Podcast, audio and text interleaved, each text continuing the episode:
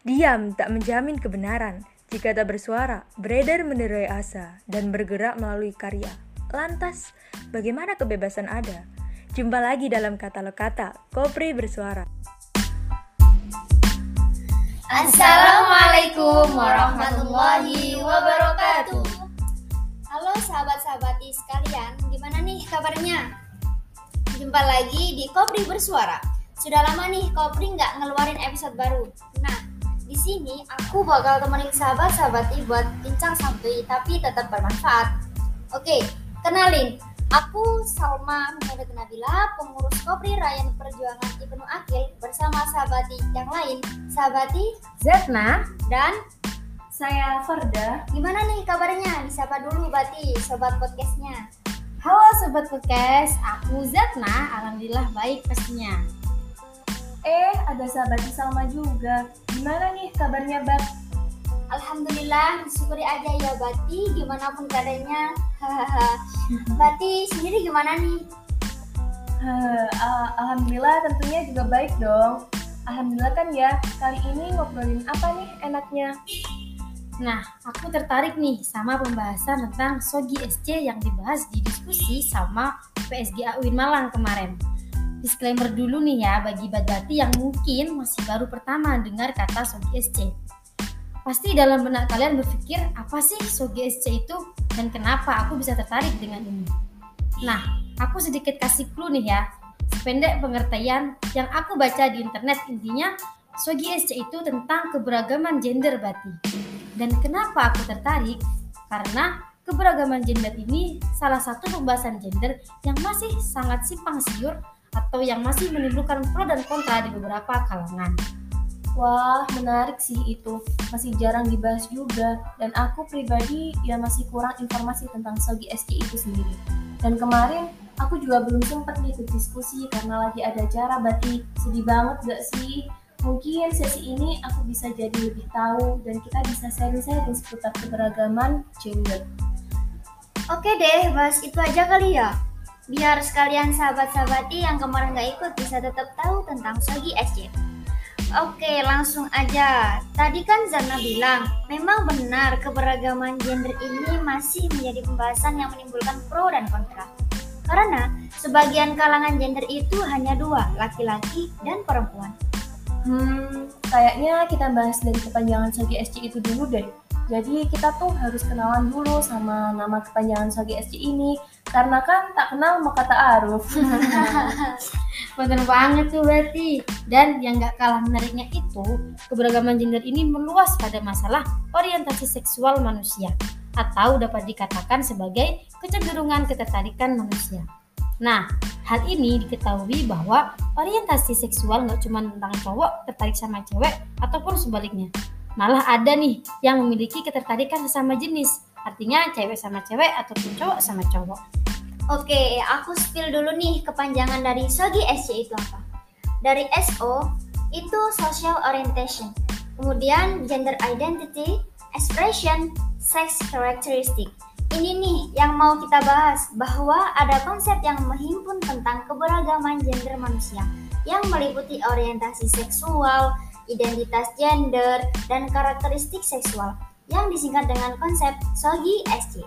Betul banget. Sogi SC ini konsep pemahaman mengenai kebutuhan orientasi seksual dan identitas gender yang dibuat agar dapat membuka pemikiran masyarakat secara lebih luas.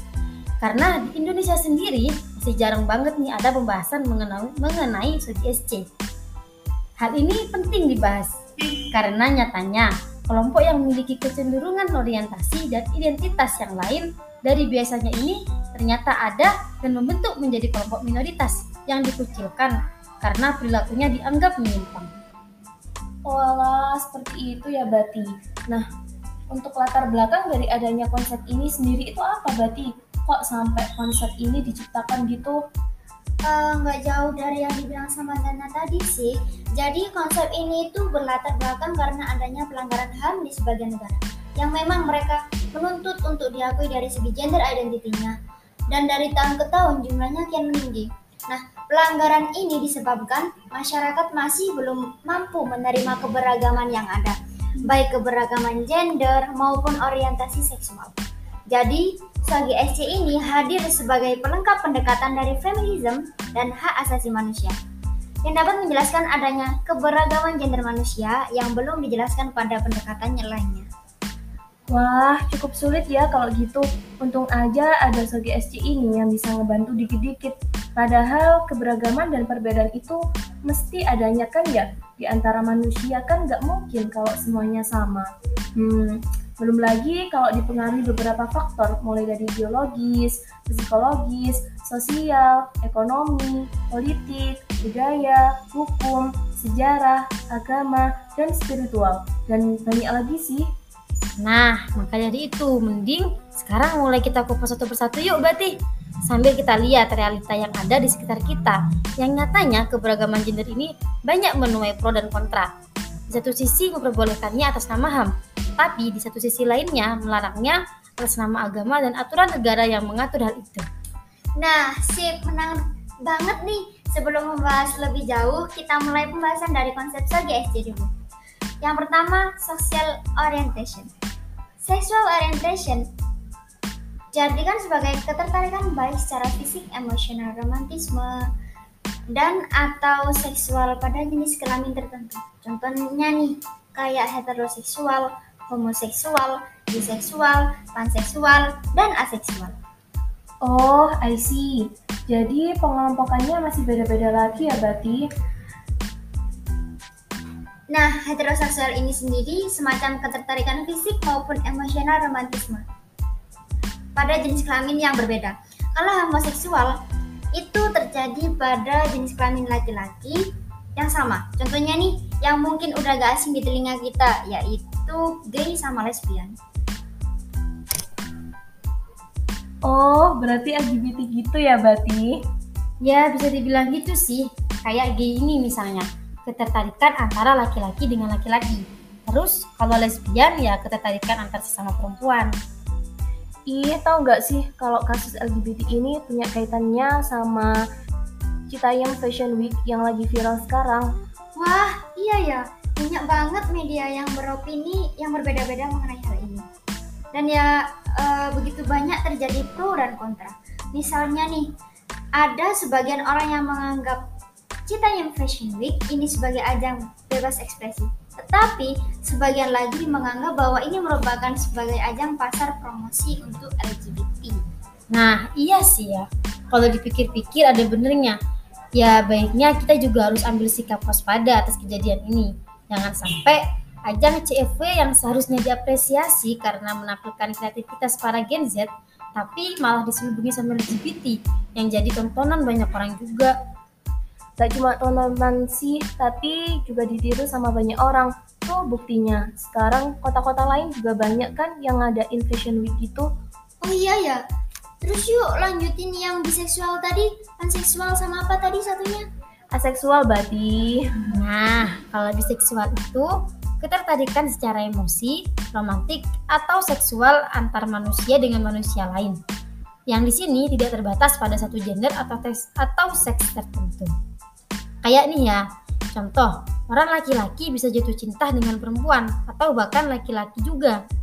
Terus kalau panseksual itu sama juga sih sama tentang ketertarikan, tapi di sini tanpa memandang gender atau seks. Dia juga dibagi lagi jadi dua, yaitu demiseksual atau secara pengertiannya adanya ketertarikan terhadap manusia lain tanpa melihat gender dan seks atau ketertarikan seksual ini tidak muncul tanpa adanya ikatan emosi atau romantisme yang kuat. Bener banget tuh Bati. Satunya lagi itu ada sapioseksual yang merupakan ketertarikan terhadap kecerdasan manusia yang melibatkan rasa emosi, romantisme, atau seksual. Eh, bentar dulu. Yang terakhir nih, dari bagian sex orientation ini ada aseksual, di mana ia tidak memiliki ketertarikan yang melibatkan rasa seksual kepada manusia lainnya. Tapi aseksual bisa memiliki ketertarikan secara fisik saja atau emosi saja atau bahkan seksual saja. Wow, cukup memeras otak ya penjelasannya. Hmm, ya udah deh, mending langsung lanjut aja ke bagian yang GI. Oke, jadi GI ini tuh singkatan dari gender identity. Sebelumnya nih ya, berarti Gender menurut WHO itu sebuah karakteristik yang terbentuk karena konstruk sosial bagi laki-laki ataupun perempuan. Bahkan biasanya bisa membuat seseorang memiliki identitas gender yang sama atau berbeda dengan gender yang ditetapkan sejak ia lahir gitu. Mungkin aku tambahin dikit kali ya. Jadi, ini masih ada beberapa macamnya lagi. Misal kayak cisgender yang merupakan sebutan jika identitas gender sama dengan jenis kelamin yang ditetapkan saat lahir. Terus yang lain ada transgender yang berbanding terbalik sama cisgender tersebut. Karena gender atau seks berbeda dengan yang ditetapkan saat lahir, di mana gender yang memiliki berbanding terbalik dengan gender gender kelamin yang sudah ditetapkan sejak lahir. Terus ada lagi yang dinamakan non-binary, yang mana Sebutan ini ditujukan bagi mereka yang tidak ingin mengidentifikasi dirinya sebagai laki-laki, perempuan, maupun transgender. Oh, kayak setauku di Indonesia itu sebutannya ada perempuan laki-laki, transpuan, trans laki-laki, waria, sama priawan gitu gak sih?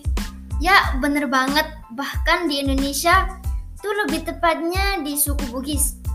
Juga mengenal gender lain selain laki-laki dan perempuan dengan sebutan calalai, calabai, dan bisu. Oh, oke. Okay. Lebih mudah dipaham yang ini sih. Oh iya, kalau yang E itu expression itu maksudnya gimana ya? Nah, jadi singkatnya gini.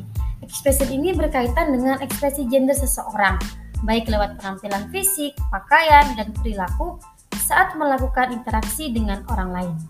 Penyebutannya biasanya kayak feminisme, maskulin, androgini dan lain-lain gitu sih sepemahamanku. Terus yang terakhir itu adalah sex characteristic. Hal ini berkaitan dengan kondisi biologis seseorang seperti kromosom dan gonad. Contohnya seperti ini. Bayi yang masih dalam kandungan diidentifikasi jenis kelaminnya oleh dokter.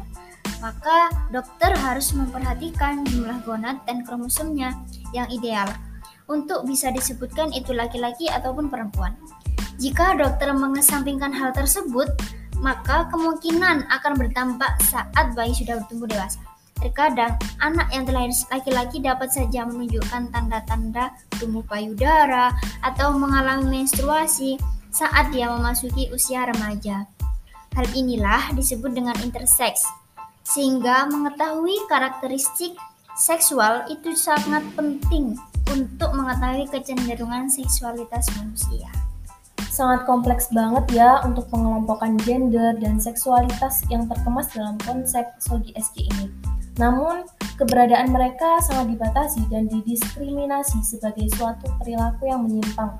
Di satu sisi, ada yang membela atas nama HAM, di satu sisi lainnya menolak atas dalih agama dan aturan negara. Namun, kita sebagai kader PMI harus bisa meletakkan posisi berada di manakah kita dalam masalah ini, apakah di sisi pembela atau di sisi yang menentang. Tentunya dalam masalah ini kita tidak bisa serta-merta mempercayai suatu tanpa ada proses analisis dari berbagai sudut pandang dan landasan berpikir kita. Karena kita sebagai kader PMI yang memiliki landasan berpikir yakni aswaja dengan membawa misi bahwa Islam adalah agama yang rahmatan dan alamin harus tahu posisi secara tegas. Dan dari yang dibahas kemarin, kalau kita bersikap sebagai manusia yang peka terhadap manusia lainnya, kita bisa menyikapinya dengan tidak terlalu memojokkan, bahkan menganggap terlalu buruk. Karena setiap orang memiliki orientasi seksnya masing-masing. Nah, Terlepas dari hal itu, memang ada banyak faktor yang mempengaruhi bisa saja dari lahir atau karena suatu sebab. Tapi bukan berarti kita melanggengkan hal itu juga ya. Sebisa mungkin kita harus membentengi diri kita terlebih dahulu agar terhindar dari hal-hal seperti LGBT, FVP, dan sebagainya. Kita juga harus melihat posisi kita misal teman ataupun keluarga ada yang memiliki kecenderungan seks yang berbeda atau mungkin karena sesuatu sebab dia dia jadi belok. Kita lihat dulu. Dalam hal ini ada dua lingkup. Yang pertama adalah lingkup pengaruh. Jika dimungkinkan kita masih bisa mengontrol dan mengarahkan secara intens dalam rangka mengembalikannya ke jalan yang benar. Yang kedua ada lingkup peduli. Dalam lingkup ini kita memang hanya mampu menasihati dan mengedukasi jika memang dia memutuskan untuk tetap seperti itu, itu sudah jadi urusan mereka. Kita gak bisa ikut campur lagi. Wah, kita gak boleh semena-mena nih. Kadang kan kita masih nganggap itu kelainan yang menjijikkan. Dan orang-orang seperti itu kadang suka dibully. Nah, dalam mempelajari SC ini, kita diharapkan tidak asal memberikan judgement, karena nantinya juga bisa menimbulkan konflik perpecahan yang menjadi masalah yang rumit. Meskipun mereka berbeda, kita juga harus tetap menghargainya selayaknya manusia yang normal yang mendapatkan hak-haknya. Dan for your information ya Bati, kemarin itu juga dikasih tahu nih sama Bu Istiadah kalau hal-hal dalam Sogi SC ini dalam sebagian negara sudah dideklarasikan bukan sebagai penyakit jiwa ya. Jadi ketika menemui hal yang berbeda dengan kita, jangan asal menilai.